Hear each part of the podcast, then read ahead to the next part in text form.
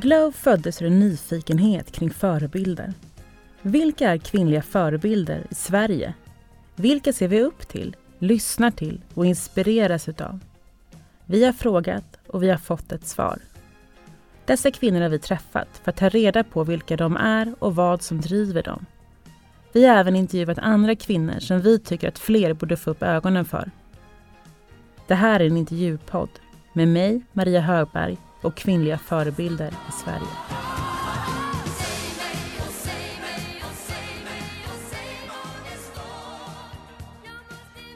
Katarina Rolfsdotter Jansson är journalisten och författaren som för 20 år sedan insåg att hon hade mer impact från scenen och framför kameran än vid datorn. Hon har ett starkt patos för att skapa en mer hållbar värld och programleder sändningar om klimatet för miljonpublik och föreläser och modererar på scener i Sverige och utomlands. Katarina är även ordförande i den oberoende tankesmedjan Global utmaning och talesperson i Våra barns klimat. Hon har skrivit 12 böcker om miljö och hälsa, varav flera med fokus på yoga. Katarina har undervisat i yoga sedan 16 år och är en varm förespråkare för att använda yogans tekniker för att skapa en bättre värld. Hennes mammas devis, att aldrig sätta sitt ljus under skäppan, har varit vägledande i hennes karriär och liv. Så dagens avsnitt kommer handla om hållbarhet. Och finns det något mer spännande än det? Hållbarhet gällande vårt klimat och hållbarhet i sig själv. Så enligt mig så är hållbarhet den nya svarta och det ska vi prata om nu. Hej och varmt välkommen hit Katarina! Tack så hemskt mycket! Det ska bli så härligt att få prata hållbarhet med dig idag. Mm, det pratar jag alltid jättegärna om. Jag pratar och lever hållbarhet. Men innan vi kör igång så tänkte jag att vi bara skulle checka in så vi vet var du befinner dig idag. Gärna. Hur mår du idag på en skala 1 till 6 där 1 så mår du jättedåligt och 6 så mår du jättebra? Jag tror att jag är en femma idag faktiskt och det beror mycket på um, det som hände igår i USA. Mm. Um, Kamala Harris inte minst Mm. Eh, och eh, framförallt eftersom jag då brinner för klimatfrågan att eh, Biden redan sin första dag eh, återinförde USA i Parisavtalet, i WHO och stoppade eh, pipe, pipelinen, XXL-pipelinen på mm. sin första dag. Ja. Så då blev jag väldigt uppåt av det. Ja, då känner man lite kraft igen. Ja, nu nu vänder det. Och mm. vad ska, du liksom, vad ska hända för att du ska komma upp på en sexa? Oh, det är faktiskt också relaterat till, eh, till klimatfrågan för det är det som liksom ständigt ligger och skaver på mig och på så många andra också såklart. Eh, då är det ju liksom ett kraftigt uppsteppande från hela världens regeringar. Eh, snabbare än vad det har gjort nu. Men det, det börjar lossna tycker jag. Mm. Så att eh, för det mesta, jag är en väldigt positiv människa, lösningsfokuserad. Så att jag, jag har ju starka förhoppningar att, eh, att vi ska lösa det här. Mm. Mm. Ja, ja, ja, jag hoppas verkligen det. Uh, det, det. Jag tycker att det går, det går alltid upp och ner i hur man, hur man ser på framtiden. Mm. Men det är skönt mm. att höra att du är positiv. Absolut. Mm. Och om vi skulle kolla på eh, tur. Hur, eh, liksom, hur mycket tur har du som person på en skala 1 till 6? Jag har, har, anser mig ha väldigt mycket tur. Mm. På vilket sätt ehm, då? Och jag vet inte egentligen, jag brukar inte prata om det så känns det konstigt. Oj, jo men om jag skulle analysera superblixtsnabbt så, um, så om det är tur eller om det är uh, universum som uh, har pekat mig i rätt riktning eller vad man nu ska se så, uh, så har jag inte haft så mycket stora motgångar mer än lite hälsomässiga i, i mitt liv. Så att mm. jag skulle nog säga att jag, jag har tur. Mm. Ja. ja, men vad härligt. Ja, men du gör ju otroligt mycket saker, men allt under paraplyet hållbarhet. Mm, och är det någonting, någonting vi pratar om idag så är det ju men det där är inte hållbart. Är det där verkligen hållbart? Hållbart är ett ord som vi använder otroligt mycket. Och du har ju varit liksom väldigt tidig med att tänka hållbart. Men om vi liksom bara fokuserar på vad gör du och hur, vad jobbar du med idag kring hållbarhet? Mm. Jag jobbar främst med klimatfrågan. Mm. Ehm, och det gör jag eh, som eh, programledare för ett, ett program som, som sköts av We Don't Have Time som är världens största sociala nätverk för Climate Action. Mm. Så där leder jag stora tv-sändningar för, som, i, vissa av dem i samarbete med FN. Ehm, och vi ska göra tre sådana stora summits i 2021. Mm. Ehm, jag leder andra event som har med klimatet att göra ehm, för eh, både offentlig sektor och, och företag som fokuserar på klimatet men även hållbarhet bredare. Ehm, och sedan så är jag ordförande i en tankesmedja som heter Global utmaning som är en partipolitisk, helt oberoende tankesmedja. Ehm, och där, vi, där klimatet är ett av våra, våra viktigaste ben. Och sen så föreläser jag om eh, klimat och hållbarhet. Ehm, så det är, väl, det, det är väl det, de tre viktigaste sakerna jag gör. Och sen så är jag också innehållsansvarig i ett eh, något som heter A Sustainable Tomorrow som är konferens och utbildning kring, kring hållbarhet. Mm. Och när man hör allt det här som du jobbar med så är ju allt hållbart, men så här, hur hinner du med allt det här? Ja, det brukar, den frågan brukar jag få. Och eh, som person så är jag, eh, kan jag driva mig själv rätt så hårt. Eh, så att jag har sen tidigt behövt sätta upp rätt mycket ramar kring, min, ehm, kring mitt arbete för att jag inte ska jobba för mycket. Eh, och det var lättare när jag hade, mina barn var små för då satte ju de stopp liksom. När de kom hem från dagis så ja. fick jag vara närvarande, vill jag vara närvarande. Eh, nu är det svårare för nu har jag inga barn hemma. Men jag, jag, jag sätter rätt mycket ramar kring när, jag, liksom, när på dagen jag jobbar, när jag inte jobbar. Ehm, jag har ett hus på landet, där jobbar jag inte. Ehm, och sen så gör jag såklart inte alltid samtidigt. Det är olika, liksom, det går växelvis de här uppdragen. För den här time-uppdraget kan ju gå någon månad där jag inte gör så mycket för dem. Ehm, en period gjorde jag jättemycket för då gjorde jag one-on-one interviews med världsledare om klimatet. Det gjorde jag under våren nu 2020. Då var det jätteintensivt. Sen har vi lite spännande saker på gång på We Don't Have Time eh, som kan bli mer eh, uppdrag där. Men eh, det får vi se. Eh, så det, det, är växelbruk skulle jag vilja säga. Sen ja. ibland så hamnar ju allting eh, alldeles tätt inpå. Um, och då får man ju ta till um, liksom det som jag har alltid som verktyg, min yoga. Den har jag alltid med mig. Men um, utan den så hade jag nog inte fixat att jobba så hårt som jag gör. Mm. Så du sätter ramar både då i den fysiska miljön, att det finns mm. platser du inte jobbar på, men mm. även då tidsmässigt, klockan. Mm. mm. Ja. För jag tänker mig att när man jobbar med hållbarhet så finns det så otroligt mycket att göra så man blir ju aldrig klar. Nej, precis så är det. Så är det viktigt. Och vad är liksom det viktigaste, vad är det viktigaste för dig att uppnå? Att jag vill uppnå ökad medvetenhet hos så många människor som möjligt.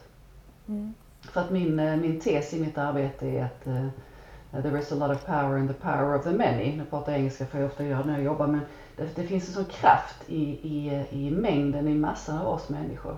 Och eftersom vi är flockdjur så, ehm, så tippar det lätt över i en riktning om, om vi blir fler som gör en sak. Ehm, så att min, eh, min devis är alltid att eh, försöka nå insikter om behovet av förändring och action hos så många som möjligt. Och det är också där jag ser kraften i att påverka beslutsfattare. För att politiker har eh, mandatperioder och eh, det vet vi, de drivs ju av, av en, en önskan att bli omvalda igen. Mm. Och då, eh, då går det liksom inte om det inte finns ett tryck underifrån. Då får vi inte modiga politiker och förändring. Mm. Så det är väl det som driver mig hårdast, att öka insikten och, och också känslan av att att man vill vara med, att man får vara med i de här rörelserna. Och att, att förändra sin, sitt beteende och hur man förhåller sig till de här stora avgörande frågorna. Mm. Och hur tycker du liksom att vi, om man tänker på Sverige, hur medvetna är vi?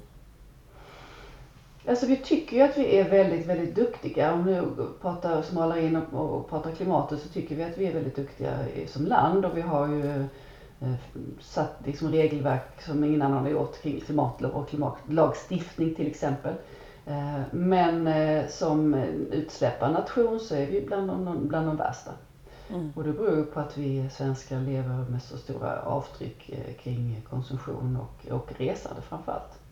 Och vår livsstil i övrigt. Vi har ju en väldigt klimatbelastande livsstil. Många av oss. Så att det är väl både och. Vi har det är ett stort glapp kan man väl säga mellan eh, vår självbild och det som, det som egentligen kommer ut ur våra skorstenar, eller på säga, men ur, ur våra utsläpp. Um, för många av utsläppen sker någon annanstans, de sker ju inte här. Mm. Det är det vi konsumerar till exempel och även det vi flyger långt bort. Men um, medvetenheten ökar snabbt bland svenskar. Um, och jag som har pratat om detta så länge och betraktat som ganska, uh, vet inte, jobbig kanske. Framsynt av några, jobbiga av några. Eh, nu ser jag att, att dialogen förs på ett helt annat sätt. Eh, kring allt möjligt. Hur man äter till exempel. Det känns eh. som att dialogen har kommit liksom till köksborden hemma. Mm, mm. Eh, och jag vet ju bara mina barn, de pratar ju om miljö och hållbarhet. Eh, och, då, och det gjorde ju inte jag när jag var i deras ålder. De är ju mm. åtta och nio. Underbart. Ja, så det, det där känns det som att ibland ligger de till och med före en mm, själv. Det ser vi. Det. Mm, det kommer en del forskningsrapporter just, jag läste en i, faktiskt igår, jag kommer inte ihåg vilken källa, men just hur mycket barn och ungdomar faktiskt påverkar sina familjer, sina föräldrar. Mm. Ja men mm. gud ja. Och det tycker jag, det är så häftigt. Och det, det leder mig faktiskt tillbaka till att eh, jag sa inledningsvis också att jag är talesperson i en klimatorganisation som heter Våra Barns Klimat. Och det är ett jätteviktigt uppdrag för mig. Jag har varit engagerad där i fem sex år nu ehm, och även varit med som en liten delgrundare av en internationell klimatkoalition som heter Our Kids Climate eh, som nu finns i 19 länder. Ehm, och där utgår vi från barnens perspektiv. Eh, så mm. det vi ser är ju att, att ehm, där ökar medvetenheten snabbt bland de unga och, och den är ju kopplad till deras stora oro till för framtiden såklart. Mm. Um, men det är hoppfullt att se att, att, uh, att barn och ungdomar agerar. Samtidigt är det inte deras uppgift. Um, det är vår uppgift att mm. agera mm. och att vara pådrivande. Um, och som förälder så ser jag, har jag alltid sett mitt ansvar att, att agera. Uh, för att det är den bästa medicinen mot barns oro är att se att, att barnen ser att föräldrarna fattar rätt val och engagerar sig i organisationer eller konsumerar på ett annat sätt eller vad som helst. Annars är det ju som att bara skratta dem rakt i ansiktet ungefär. Mm. Deras oro inte bemöts av handling, det är ett stort svek. För jag har också hört intervjuer med dig där du beskriver att du var ett väldigt medvetet barn om hållbarhet, mm. vilket var väldigt ovanligt för, vet inte, x antal år sedan. Ja, men hur, många år sedan. Hur många år sedan. Eh, men hur föddes det som, för dig som barn när det inte var en diskussion vid köksbordet? Eller var det det hemma hos er? Jag har funderat mycket kring det, för jag har så starka minnen av att jag till exempel blev liksom gråtfärdig när pappa inte stängde av motorn på bilen och så. Då var jag fem, när det var tomgångskörning. Eh, och jag, jag tror att ehm, Dels har jag föräldrar som var lärare som hade stort socialt engagemang för barn som inte liksom riktigt hade det bra hemma eller inte klarade skolan. Så de hade det naturliga patoset för medmänniskor. Det fick jag med mig när jag växte upp och så hade jag eh, mormor och morfar som också var engagerade på olika sätt i, i, i den typen av, av frågor. Eh, så kanske där, men eh, jag var, jag var liksom ett eftertänksamt barn på många sätt att konsekvenser var någonting som jag såg väldigt tydligt tidigt. Och det var ju skitjobbigt. Mm. Ehm, och när jag, när jag skulle gifta mig eh, så gjorde mina väninnor en möhippa där jag fick bryta mot mina fem största livs, viktigaste livsregler. Det var ganska ovanlig möhippa. Mm, mm, berätta. Så jag, fick, eh, ja, jag, fick, eh, jag skulle äta djur. Och, för det hade jag inte gjort många år. Döda djur, inte äta. Jag, fick, jag skulle döda ett djur. Um, och sen så skulle jag... Vad dödade du för djur? Det fick jag vara en bananfluga. Ja, Okej. Okay. Mm. och sen så, eh, sen så skulle jag eh, köra för fort och släppa ut alltså mer avgaser. Och sen Oj. så skulle jag eh, bada i Barsebäcks, utanför Barsebäcks kärnkraftverk. Och sen Oj. så skulle jag också kasta skräp i naturen och sjunga en sexistisk eh, kvinnofientlig visa då. Men gud, varför ja. ville de utsätta dig för det här? alltså det var ju med värme, med kärlek och med humor. Jag tyckte att det var ganska underbart faktiskt. Ja, precis. Men, och vad, var det, vad var jobbigast för dig att bryta mot? Eh, det var den sexistiska visan, absolut. För att det andra kunde jag liksom lösa på något sätt känslomässigt. Eh, jag kunde ju liksom, ja. Men det där tyckte jag, det var liksom så, det bröt så mycket mot alla mina regler att, eh, att uh, göra det. Så det var jobbigt. Men fick du sjunga den på något torg eller fick du sjunga den i Nej, vi var, garderoben? Vi var, vi var ett gäng tjejer bara. Klassisk ja. möhippa. Ja. ja men gud. Mm. Ja, men då känner de dig ganska väl i alla fall då? Mm, det kan man ju säga. Detta var 1989 ska jag erkänna så att det var ju bara länge sedan. Ja, ja men mm. gud. Mm. Eh, men liksom, vad har du haft några sådana liksom, nu, nu pratar vi om det, dina värderingar och så, men är det några värderingar och ledord som du har haft med dig i det hela livet? Det skulle vara mitt eh, citat då som jag alltid bär med mig närmast hjärtat som idag faktiskt dagen till ära som jag var osäker på om vi skulle ha kamera eller ej. Har på mig min favorittröja där det står You must be the change you wish to see in the world. Mm. Så det är väl det ledordet som jag har haft med mig många år, som det är Gandhi. Mm. Um, och det innebär ju också att vi alla har en, en, ehm, en möjlighet och ett ansvar att agera i det stora och det lilla. Uh, och det behöver inte betyda att man har en plattform, att man har en utbildning eller att man har en, en, en plånbok som är fet för att man ska agera. Det behövs ju inte alls vara så. Utan eh, det är en medmänsklig grund i att känna att vi har en solidarisk sätt att se på världen. Att vi alla hänger ihop. Mm. Och det är väl det som jag har känt eh, mycket eh, och också tyckte var jättejobbigt när jag var tonåring till exempel.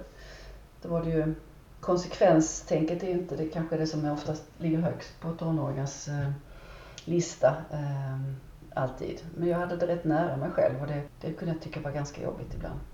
Mm.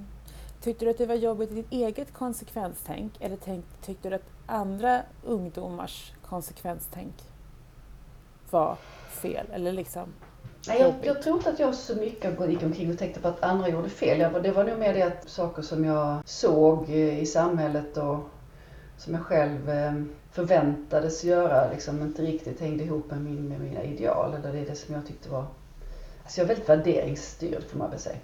Mm. Um, så gick jag under många år in, jag, jag som många andra som jobbar med miljöhållbarhet, eller motsats till många andra som gör så har jag inte varit engagerad i miljörörelsen när jag, när jag var riktigt ung för att jag blev elitidrottare. Mm. Eh, så att mitt, eh, jag la, la, väldigt, väldigt, väldigt mycket många år och kraft på att bli eh, basketspelare på hög nivå. Mm. Så att mitt, mitt, jag, hade, jag, har inte, jag har inte varit fältbiolog eller Greenpeace-aktivist utan jag, jag var elitidrottare och sen blev jag journalist för att jag ville bli bidra med förändring där. Ehm, så att mitt liksom, föreningsengagemang i, i miljörörelsen har kommit ganska sent. Mm. I uh, Our Kids Climate och Våra Barns Klimat. Och, uh, så har jag såklart stöttat alla organisationer i hela mitt liv med bidrag. Men jag har liksom inte varit föreningsaktiv som många andra hållbarhetsmänniskor har varit. Mm. Men det är också ganska uppfriskande för då, då, då är det ju aldrig för sent att heller uh, engagera sig.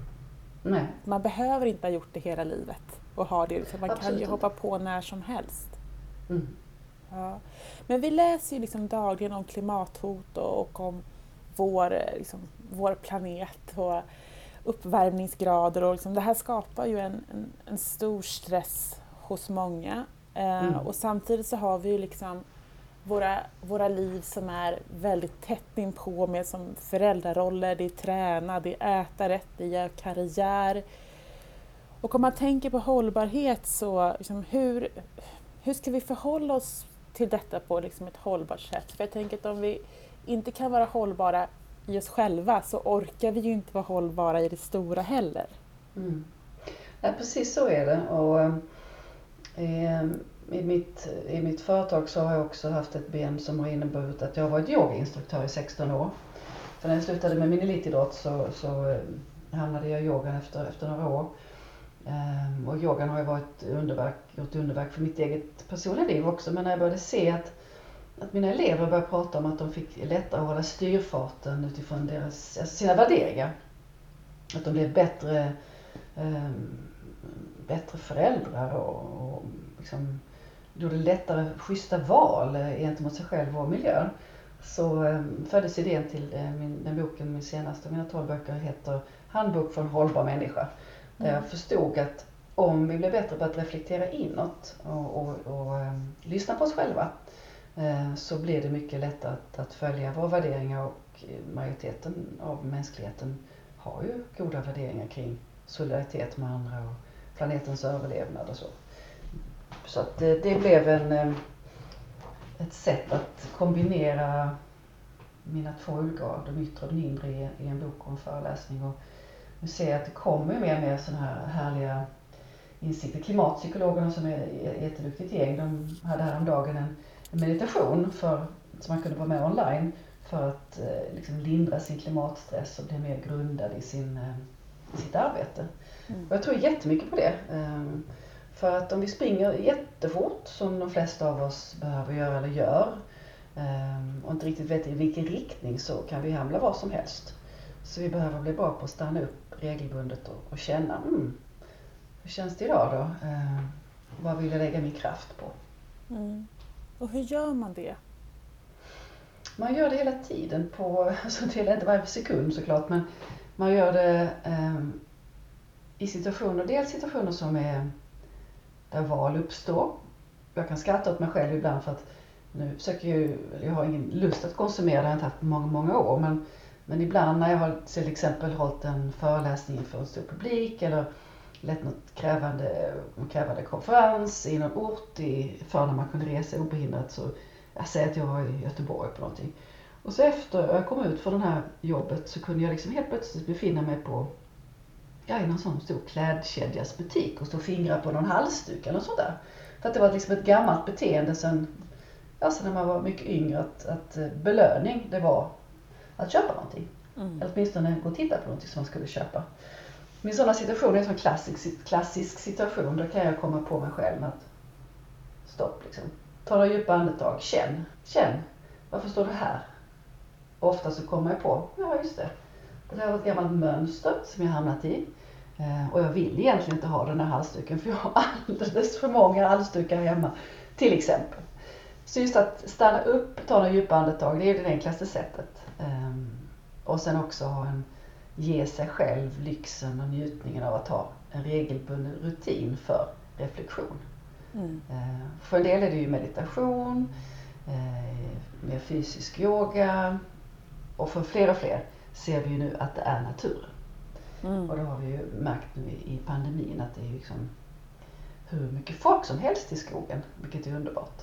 Mm. För där hittar vi ju oss själva, mitt mm. i vi går liksom inte vilse bland träden, vi hittar hem till oss själva på något sätt.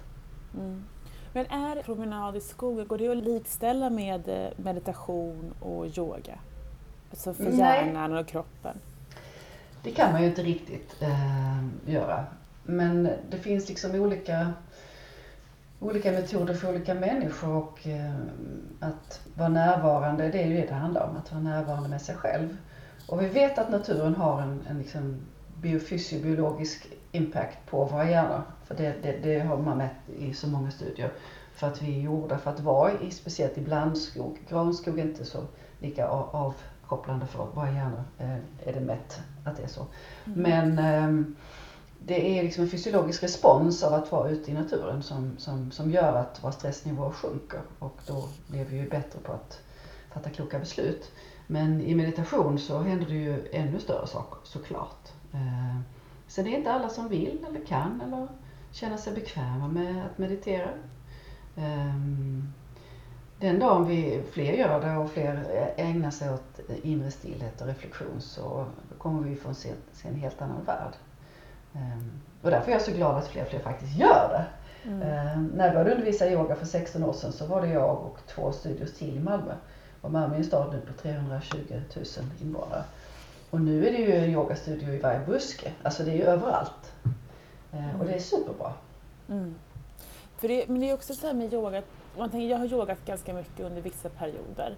Mm. Men det, det, är också när man kommer ur yogan så är det också, tycker jag, det blir det också ett motstånd att ta sig in i yogan igen. Mm. Alltså att, att, det är ett helt annat sätt. Det är ju, alltså att man, man måste lära sig igen att ta sig tid för att skapa tid. Istället för ja. att stressa tid. Förstår du vad jag menar? Mm, mm, mm, jag förstår vad du menar. Ja. Och det där är ju någon sorts, um, lite grann tillbaka till, du frågade innan hur, hur hinner jag allting? Och jag har nog en, en rätt så sund good enough-känsla kring det mesta jag gör. Um, jag, ska inte säga, jag ska inte säga att jag är slarvig men jag, jag, har nog en, jag är inte så sträng mot mig själv. Uh, I, i, um, i um, leverans, Eh, liksom perfektionism. Jag vill att saker och ting ska bli riktigt, riktigt bra. Men, men just eh, kan jag bara få till en kvarts yoga och, och, och, och sen helt plötsligt ringde det mitt i för att jag var tvungen att telefonen på för att jag väntade ett viktigt samtal. Så är det liksom, då, då blev det så idag. Det gör ingenting. Eh, Om man sätter för höga ribbor liksom på vad man ska göra även inom yogan. Att det måste vara på ett visst sätt, ett visst klockslag och en viss riktning som man stå i och, och eh, det ska vara en och en halv timme för annars är det inte lönt. Då blir det svårt.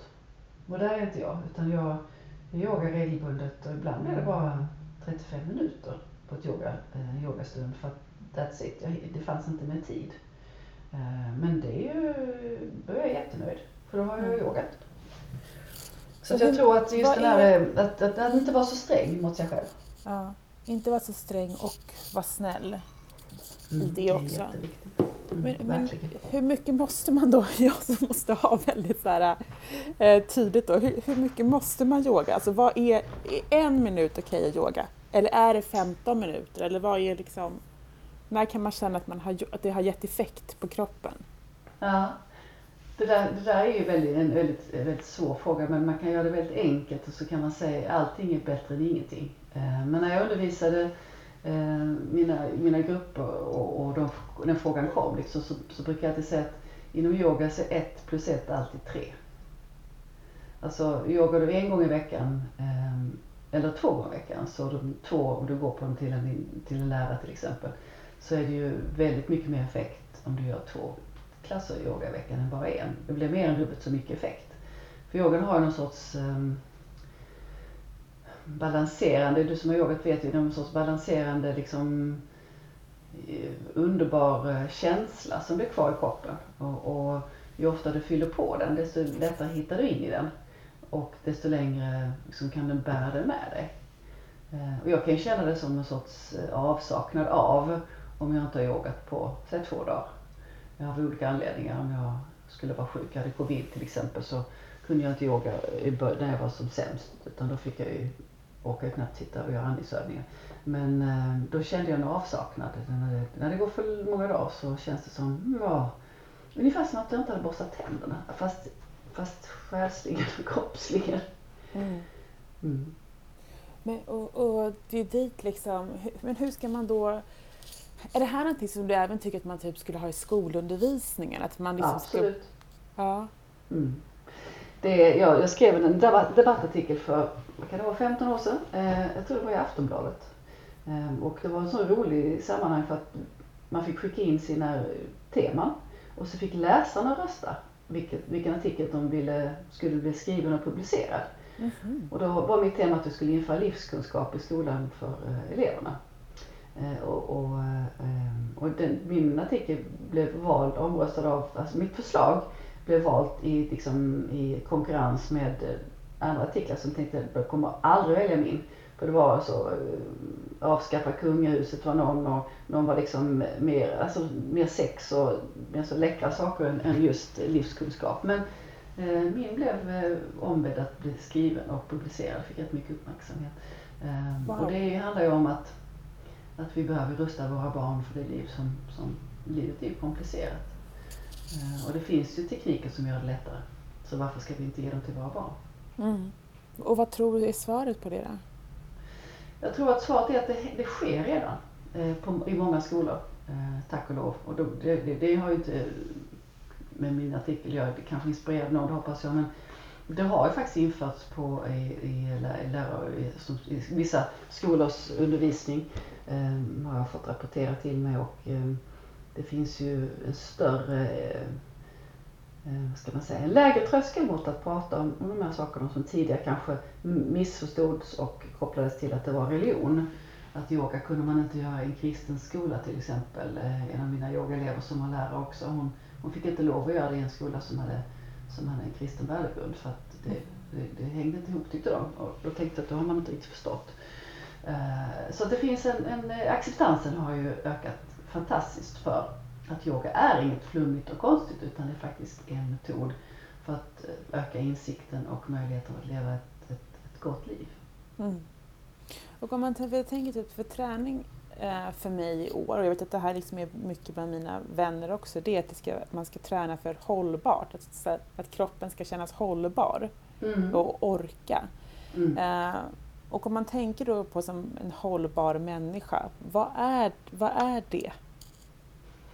Och för mig så handlar det väldigt mycket om att man, att man lever i samklang med sina värderingar.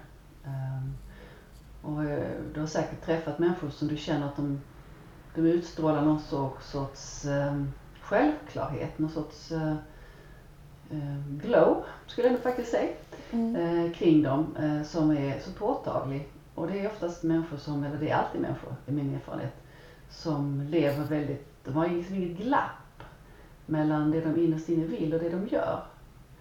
Eh, och det kan ju låta som att det är få förunnat att ha det så, men men det kan ju vara eh, att man lever, man kan ju ha ett dayjob så man, inte, man kan inte ha möjlighet att jobba med det man brinner för. Man kan ha ett vanligt arbete som, som är viktigt. Eh, man jobbar i, som undersköterska eller med i butik till exempel och, och försörja sig själv och sin familj. Men om man då har värderingar som är starka så kanske man väljer att vara engagerad i någon förening eh, för barn och ungdomar eller att man jobbar med klimatet i barns klimat. Men att man just känner att man, den här inre callingen som man har, den här rösten, en samvetens värdering vad man vill kalla det, att de får någonstans bli manifesterade. Då känner jag att man blir hållbar inifrån och ut. Och sen behöver man också ta hand om sin fysiska kropp och sin, sin, sin andlighet, eh, om man vill använda det begreppet. Eh, så det är ju, det, är ju att det, det, man, det som är du eh, ska hänga ihop. Det är hållbarhet för mig. Det är en hållbar människa. Mm. Och det är, det är ju inte så lätt alltid. Framförallt inte under en pandemi. Nej, Nej men precis. Jag tänker att vi kan mm. komma in, ska komma in på det sen lite vad corona liksom, vad det här året har inneburit för oss. Men, men jag tänker så här att om man skulle... För det där är ju någonting som man som man hela tiden strävar efter. Alltså sökandet. Alltså på något sätt så finns det ett sökande, vem är jag? Samtidigt mm. så är det ett sökande, lever jag om, jag, om det här är jag, lever jag som jag vill? Och samtidigt så vet man också att det, det kanske också handlar om lite förutsättningar som man har i livet. Är man ensamstående Absolut. trebarnsmamma som bara försöker liksom få eh, mm. livet att gå ihop så är det kanske ännu svårare liksom, och då kan det bli en lyx. Då kan ju hållbarhet bli, mm. i, bli en lyxartikel, eller vad ska jag säga, en lyxprodukt i det för mm. människor. Liksom. Mm. Eh, vad, om man liksom, hur ska man göra? Du som ändå liksom förespråkar och lever det här. Alltså, ja, det du sa just om att till exempel om man är en ensamstående trebarnsmamma då kan man känna att det kanske inte går att eh, lägga tid på eh, engagemang i, i en organisation. Det kanske inte går att, eh, att välja ekologiska livsmedel till exempel för plånboken klarar inte av det. Och det, det tycker jag är otroligt viktigt att, att förstå de individuella olika förutsättningarna. Men det jag känner är, som, som man kan göra i stort sett alla, eh, det är att gå och vara med och stötta organisationer som, som gör det här. Och det behöver absolut inte betyda att man går in med pengar. Eh, men jag ser till exempel i Våra Barns Klimat, där har vi ju mycket, mycket vi har kampanjer, vi har, man kan skriva under, det finns ju andra, eh, beroende på vilken som är ens hjärtefråga, så finns det skiftet av VAS och, och inte minst We Don't Have Time som är den plattformen som jag jobbar mycket med, som handlar om klimatfrågan. Att man, man kan vara med och liksom trycka på med sin, sin röst, med ett knapptryck, med en ett gilla-markering. Med en, och det, det där folk tror att äsch, det där betyder ingenting, men det gör det. Det betyder mm. jättemycket. Till exempel Våra Barns Klimat, vi, är, vi har 27 000 nu, 28 kanske, som, eh, som är med och stöttar och gillar oss. Och vi får ju i kraft av de människornas eh, råg i ryggen, eller vind i seglen som vi har, så får vi sitta med i runda bordssamtal med regeringen och prata om hur politiken kan formas framåt för att lösa klimatfrågan. Och det hade vi ju inte fått om det var 5000 som hade tyckt att vi var viktiga, det vi gjorde. Så där, där känner jag att där kan man göra saker oavsett eh, livssituation. Såklart inte om det är akuta krislägen, då får man ju, då får man ju verkligen tänka på att släcka bränderna först i sitt liv. Men, men eh, jag tror alla kan bidra med något litet som kan bli något stort. Ja, men där är det jättebra för då kommer vi tillbaka till det här med det kollektiva. Att mm -hmm. är vi många som går samman sätter vi ja, press ja, ja. på politiker. Och det här är ju också egentligen det viktigaste året, valet, eller året innan valet. Mm. Eh, nu händer det ju, kommer det hända, nu kanske inte Almedalen kommer väl inte bli av, men annars så brukar det vara ett sånt år där väldigt mycket handlar om, om nästa år. Så det är väl ett bra år att trycka på också. Mm. Jag, jag, ser en, en, eh, en stor eh, kraft i, eh, i de här liksom, mm, samlingarna av, av, av, av kunskap och, och engagemang. Eh, We Don't Have Time då som är en plattform där man kan gå in och, och eh, det ge klimatidéer, man kan ge klimatvarningar till företag som gör idiotiska saker för klimatet. Ehm, man kan lägga klimatförslag liksom, och dela nyheter och artiklar. Och där lägger ju företag som vill bli granskade uh, mm. upp sig. För liksom, tyck till om oss. Gör vi tillräckligt mycket? Vad gör vi bra? Vad kan vi göra bättre? Eh, Syster, det är, ju, det är också the power of the many, att det är så många som kan, kan se och, och ha åsikter om och skydda på. Eh, så det, ser, det är så otroligt spännande. Så man behöver inte vara expert själv, man behöver inte ha massa pengar. Eh, och när man ändå sitter med sin, sin telefon på kvällen när barnen har lagt sig så kanske man kan gå in och, och ägna några minuter åt de här plattformarna istället för någon annat som man lätt hamnar på eh, på grund av att vi blir översållade eller översköljda av alla annonser. Så det är lätt att man kanske lägger tid på, eh, på någonting annat som inte ger mm. lika mycket. Nej. Och det vet man ju också att om man ger någonting så mår man bättre själv. Oh, ja. Absolut. Så det handlar ju också om hållbarhet och mm. ge sig själv någonting. Eh, men om vi skulle göra bara så om, om man sitter då hemma och så tänker man så här, är jag hållbar eh, i allt det här som är hållbart? Vad, vad, om vi skulle bara ta upp, typ, har du någon sån här, nu kanske du skulle fått förberett det här, men någon sån här checklista? Typ mm. fem frågor som man kan ställa sig själv. Eh, för ett antal år sedan så, under Göran Perssons regering så hade vi en, en man som hette Stefan Edman som som eh, la fram en, någonting som sedan kallades det gröna folkhemmet. Han pratade om biffen, bostaden och bilen. Eh, och det gäller fortfarande som liksom rätt så bra ingångar i att titta på över sitt privata liv. Och sen så sen lägger man till, och jag också, att man behöver titta på plånboken. Eh, så biffen är ju att titta på hur man äter. Mm. Eh, nu har jag valt bort kött sedan 36 år tillbaka av miljö och etiska skäl. Så för mig är det så, är det så självklart det är enkelt men det blir ju lättare. Eh, det finns bättre och billigare eh, proteinföda så att säga. Saker och ting, allt från, från veganska och vegetariska hamburgare till, till allt möjligt som man kan äta som är hälsosamt och inte dyrare. Eh, innan var det väldigt dyrt med de här alternativen. Ehm, så titta på sin tallrik. Ehm, och där har vi också, jag ska säga, jag intervjuade ju portionen under tian. Mm, ja. Som är där är, det är ju jätteinspirerande. Verkligen, verkligen. Och det är så härligt att du säger det för att det är, många gånger så tror man kanske att man måste köpa någon dyr halvfabrikat men det behöver man absolut inte. Igår jag gjorde jag en sallad med linser och grönsaker som hade jättebra näringsvärde och den kostade ju verkligen nästan ingenting och mm. bra proteinkälla. Mm. Eh, så det behöver inte vara att man köper någon, någon dyr färdig produkt så att säga. Absolut Nej. inte. Mm. Så jag skulle vilja säga tallriken. Um, tallriken är enkel för där har vi ett gigantiskt avtryck, inte minst klimatavtryck. Uh, alla har det varje dag. Varje, varje gång vi äter någonting så har vi möjlighet att påverka. Uh, sen så skulle jag säga um, såklart ens bil, ens fordon om man nu har en bil. Det behöver man ju förvisso absolut inte ha. Många behöver det. Det får man också ha respekt för. Men där finns det ju möjlighet att göra hållbara val. Att dela bil, att framförallt transportera sig så mycket utan bil som möjligt. Och nu kommer elbilarna med storm. Ehm, Har du en ja. hund bakom dig? Ja, alltså jag, jag får bara jag går och släppa in henne och försöka komma in i mitt rum. Ja, gör det.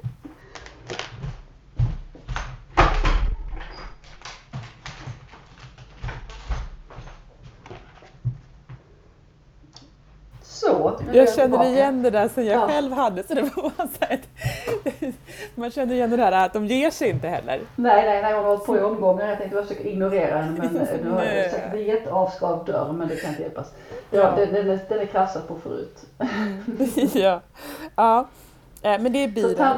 Mm. Ja, bilen att, att, titta på och det är, bilen är ett, ett, ett, ett liksom samlingsnamn för hur, vi, hur mobilitet och vi transporteras. Och, och där är flyget otroligt viktigt. Jag har inte flugit på, jag flyger i stort sett aldrig längre. Eh, men eh, sista gången jag flög var till, ett, eh, till min extra mammas begravning i New York för jag bott i USA och hade en extra mamma där. Och det mm. kände jag att det kunde jag inte göra på, på Zoom. Mm. Vara med på en begravning.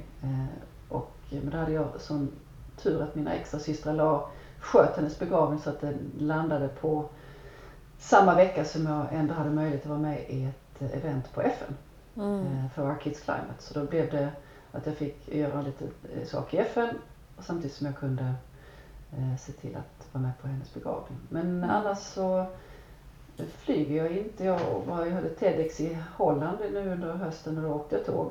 Mm. Och folk säger, du är inte klok i huvudet, det är jättelångt till Holland men, men det går ju alldeles utmärkt. Mm. Men tåg är också fantastiskt resmedel. Ja, det är det. Ah. Så jag är tågfantast och har haft yogatågresor till Alperna och så. Så att jag tågar mm. överallt, mm. hit och dit. Eh, men eh, så resandet är ju, kan vi alla se över och det, det är också kopplat såklart till, till plånboken. Ehm, men där är delandetjänsten det börjar komma nu mer och mer inom mobiliteten och, och möjligheten att cykla är ju, är ju oftast jättemycket billigare och hälsosammare om man inte bor för långt utifrån allmänna transportmedel såklart. Så jag, jag, jag har en, en trogen cykel som jag är som en förlängd kroppsdel med, den använder jag jämt. Mm. Mm. och så är det bostaden och den, eh, där är vi, så har vi i Sverige varit duktiga på att energieffektivisera tidigt. Eh, där ligger vi bra till. Eh, men det finns ju alltid möjligheter att, att minska sin boyta, att, att såklart se till att man kan producera egen energi. Vi försökte på vårt gamla hus i skogen att eh, sätta upp solceller men eh, det finns sådana solkartor i många kommuner. Då kan man ju se hur ens hus ligger, om det ens går att plocka ner någon sol. Okay. Och vi, vi, hade för mycket träd överallt och, som jag absolut inte ville ta ner för vi bor i en skog. Jaha. Så att, eh, det gick inte att ha solceller där, tyvärr. Nej. Men, det där tycker jag också börjar så här, typ just det här med boendet. Mm. Eh, det här med eh, odling. Mm. Eh, alltså att man vill, det känns också som att man vill odla sin egen mat. Eh, man vill mm. veta var, liksom, närproducerat. Att det också kommer som en, som oh, ja. en stor trend nu. Oh ja, absolut, absolut. Och jag funderar till och med på att skaffa höns här på, mm. på tomten. Ja, det hade jag, hade jag bott så att jag kunde ha höns nu. Sagt vi har ett hus men det där är lyssor bara då och då. Och då man kan inte lämna höns. Så att, eh, men om jag, hade haft en trädgård eh, där jag bor mm. bara jämt så hade jag absolut velat ha höns. För att jag, mm. Jag försöker äta veganskt men jag äter lite ägg och hade man kunnat ha happy hens med som delvis matrester så hade det varit fantastiskt. Ja, men verkligen. Mm. Jag tror det var svårt, för vi har ganska många hus runt omkring och tupp får man inte ha. Men du behöver ingen tupp? Nej, men blir inte hönorna lite oroliga om de inte får ha en tupp? Man kanske kan eh, hyra in en tupp då och då. Jag vet ja. inte, lugna ner dem. Affärsidé. Hyr ja. din tupp! Just det, precis. Ja. Ja. Nej, men det här är något som jag skulle drömma om att verkligen få ha med för de verkar ganska tama också, höns. Ja, de är ju underbart. De är så vackra också. Ja, otroligt vackra.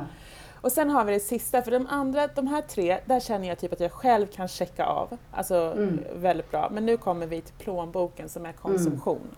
Mm. Mm. Och plånboken är ju både konsumtion och hur vi, vad händer med våra pengar eh, om vi har några som är på eh, sparkonto eller i fonder. Eller så enkel sak som vår pension som vi alla har, eh, har ju inbetalt till under vårt liv. Eh, och där finns ju enkla saker man kan göra till exempel vad det gäller klimat, eh, eller sin pension. Det finns som heter klimatbytet så man kan gå in på Pensionsmyndigheten och titta på sina, var ligger mina pensionspengar? Mm. Eh, går mina pensionspengar till, eh, till eh, fossil industri? Går de till vapen? Så, ja. så att där kan du, just klimatbytet är en, liksom ett filter som man kan slå på sina, det tar 10 minuter. Så kan du byta. Bra. Till, till, till, till val som då är inte förstör framtiden. Så att just att se över hur man, vad, ens pengar, vad ens pengar gör när man sover. Mm. Det är så viktigt. Det är så otroligt, det finns en hävstång i det så att det inte är klokt. För att ja. Många vill inte, åh jobbigt, pension, man inte ens titta på orange kuverten och, och sådär. Men, men där har vi en möjlighet att faktiskt göra stor, stor skillnad. För att mm. de här företagen som investerar i teknikutveckling till exempel, de behöver ju pengar. Mm. Och de som investerar eller som bygger ut fossila strukturer fortfarande, de ska vi ju bara stänga av kranen till. Mm. Så där ska jag inte gå in några pengar. Nej. Så det, där ser jag att man kan göra jättemycket och det finns mycket att läsa på Fair Finance Guide till exempel som är en, en sajt på nätet. Där man kan gå in och läsa lite mer om hur, var, vilka banker har liksom vettiga policies kring, kring eh, de här globala frågorna som är avgörande. Eh, så att, där, eh, att lägga några minuter på det, då mår man jättebra när man har gjort det. Ja, och det här är ju väldigt konkret. Så jag tänker att mm. vi kan länka alla de här länkarna som du har mm. eh, droppat här under avsnittet. Så det blir lätt mm. för alla att också gå in och kika på det här. Gärna, jättegärna. När de har inspirerats till att bli mer hållbara så kan man mm. bara klicka in. Eh, så det är konstruktionen som du själv har också. Den är ja. ju den, är ju, den, är ju den hoppade jag över nu här för jag kände att det ja. Jag märkte det. Nej, den, den kan man ju, alltså man behöver inte säga så mycket för där, där vet vi ju. Eh, ja. Och där ser vi också att det händer så otroligt mycket på, på liksom hur folk börjar förstå att, eh, mm. att vintage och second hand is the shit. Liksom. Där finns mm. ju hur mycket som helst. Och, och min, min budskap, och det har ju varit lite lättare under pandemin, det är att gå inte in i affärer om du inte ska ha någonting. Att vi är så jäkla lättövertalade. Det kräver rätt mycket självkontroll att gå in i en, en liksom välstrukturerad härlig butik och inte gå ut med någonting i en påse. För att det är så vi triggade, vi är samlare. Vi är byggda, vi, våra hjärnor, hjärnor är gearade på att samla på saker. Mm. Det kommer från, från vår, långt tillbaka i vår biologiska historia. Våra hjärnor säger åh, vi ska, det här är någonting jag kan plocka med mig. Så att mm. jag, jag har haft det som teknik länge att eh, inte gå på stan liksom. Och framförallt mm. inte surfa runt på nätshopsajter. Jag handlar i stort sett aldrig på nätet. Nej. För det, Men det, där är också svårt för det, det poppar ju upp erbjudanden. Och mm. finns det någonting som jag tycker är som gör mig väldigt välmående, det är när jag har gjort ett klipp. Mm. Jo, men det, det, är, här... det, det, det blir fysiska pådrag i kroppen när man har ja. filmat någonting. Ja. Men det, det, jag köper ju second hand grejer, då får man ju samma mm. rus. Mm. Ja men Eller precis. Hur? Ja. Vad är bättre än ett fynd på Blocket liksom? Ja, ska... Eller gå in på en loppis. Mm. Ja, men vi har, ju, vi har ju tre barn. En som är nio, åtta och sen har vi en ettåring nu. Mm, och, då, ja, och vi har ju sparat deras kläder Underbar. alltså i alla de här åren. Men finns det något som ger bättre rus i kroppen så är när vi går ut i förrådet och hittar en overall i hennes storlek. för att vi har sparat det. Ja, det är perfekt. Ja. Så där kompenserar vi kanske lite. Men det är ju sånt mm. som faktiskt, det här är liksom, när man tänker att man ska bunkra upp, som vi kanske då är gjorda för också, att man också får användning för det, eller återanvänder mm. saker. Mm. Men det här året har vi ju inte kunnat gått i eh, köpcenter på samma sätt och vi har ju haft liksom ett väldigt händelserikt år. Eh, när corona slog in för, ja det är väl ett år sedan, lite, det var strax ja, lite innan. Mm. Ja, i februari, mars där någon gång började vi fatta Ja, mm. som om man tänker då i ett hållbarhetsperspektiv. Eh, hur ser du att liksom vår omvärld har påverkats? Om vi både tänker liksom klimatmässigt och individmässigt. Mm. En stor två fråga med ett svar. Mm. Mm. Två saker tänker jag på, eh, framförallt vad det gäller vår, vår insikt om kris och sårbarhet. Eh, den, har, vi, den har, ju, har vi fått känna på. Och vi svenskar, eller vi som bor i Sverige, vi har ju levt i fred så länge så vi har inte riktigt förstått de av, de av våra invånare som har kommit från andra länder där det har varit krig, de har ju en helt annan förståelse för det här med kris. Men vi som har eh, bott i Sverige, födda i Sverige, eh, vi, eh, du och jag, det låter som att du är en sån som är född i Sverige, men mm. vi har ju inte riktigt kanske förstått, vi har inte fått ärva den där liksom skräcken i oss att saker och ting kan vara rämna när som helst. Men nu har vi fått en försmak av det på grund av pandemin. Och jag, jag tror, jag är rätt övertygad om att den har också fått oss lite närmare en större känslighet för eh, de stora frågorna kring, kring eh, klimat, biologisk mångfald till exempel. Att, vi får så att vi har liksom öppnat, eh, öppnat våra hjärtan och blivit lite mer hudlösa när det gäller att vi är inte så jäkla trygga. Ehm, allting är inte bara tuta på som vanligt utan det finns ehm, större kriser som väntar runt hörnet än det vi har upplevt nu. Och det är ju hoppfullt. Att vi har kanske blivit, jag tror att vi har blivit lite mer krismedvetna och förståelse för också hur allting, precis allting hänger ihop. Mm. Och om man tänker på klimatet då, så Mm. ser, har man ju också förstått att det har fått positiva effekter. Ja, nedgången i, i, i utsläpp har ju inte blivit gigantisk. Eh, Den dippade rätt rejält det första halvåret när precis allting stängde ner. Men Mm. sen har det nu tickat upp igen i takt med att inte minst Kina startade upp sina industrier. Eh, Men vi har ju sett att vi kan klara oss utan att eh, flyga så mycket. Vi, kan se, vi har ju sett att vi kan klara oss utan att eh, konsumera lika mycket. Eh, Så att jag tror att det finns en möjlighet att vi, att vi, och insikt också kopplat till det jag sa tidigare att vi, att vi ser att krisen är krisen, krisen, hur det känns att vara i, i ett krisläge kan få oss mer beredvilliga att faktiskt eh, acceptera eh, policyförändringar och, att, och också att de kommer till stånd hos våra politiker. Vi ser ju nu EU, the new green deal till exempel. Eh, och till och med Boris Johnson pratar ju, han har blivit ganska miljökorrekt faktiskt, pratar ju om build back better. Att vi ska skapa, vi bygger tillbaks våra system, våra, våra, våra ekonomiska incitament ska bygga på, på en, ett hänsyn till, till klimatfrågan. Så det finns ju en sorts eh, möjlighet till nystart som jag har ganska stora förhoppningar kring faktiskt. Mm. Och det är någonting som vi också har lärt oss under det här året så är det ju att vi klarar av förändring. Alltså att vi, Exakt. både det digitala, eh, hålla, nu har ju du arbetat med digitala konferenser långt innan resten av världen gjorde det. Det har ju legat, vi är tidig i mycket. Men nu har man ju också sett att det funkar. Det som man liksom inte trodde skulle funka förut. Och bara när jag startade den här podden för ja, vad är det nu, ett år sedan så tänkte jag att jag vill bara ha personliga möten.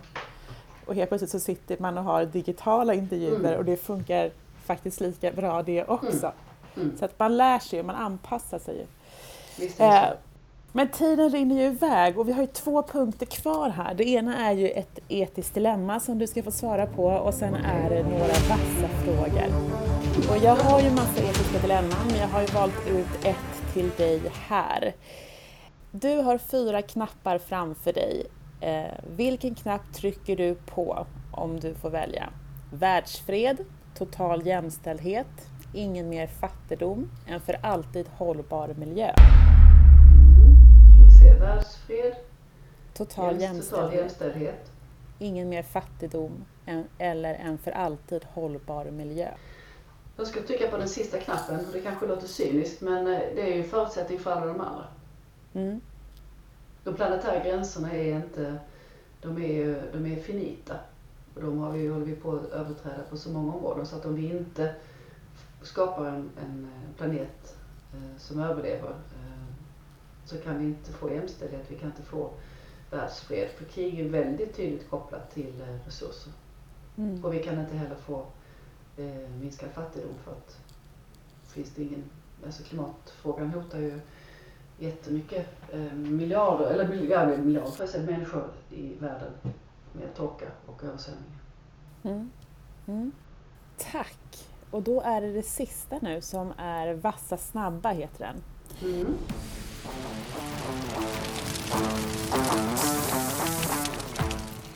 Fråga 1. Finns det något du gör idag som inte är hållbart?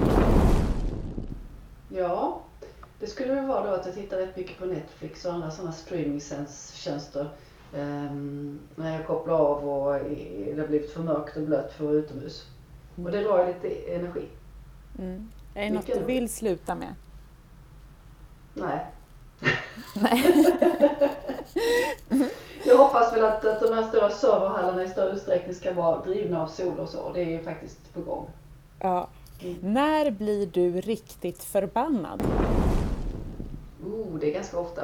Ehm, och det är när människor är för egoistiska och inte ser eh, sin del i helheten. Och det kan vara allt från små saker till stora saker. Ehm, Trump har gjort mig vansinnig som många andra människor såklart regelbundet. Ehm, det, finns, det kan bli vansinnig på folk som, som, eh, som inte förstår sitt, sitt ansvar, som flyger alldeles för mycket i fel sammanhang när det inte behövs, som, ehm, som, inte, som tycker att de står över andra med sina val. Då blir jag riktigt förbannad. Mm. När hade du fel senast?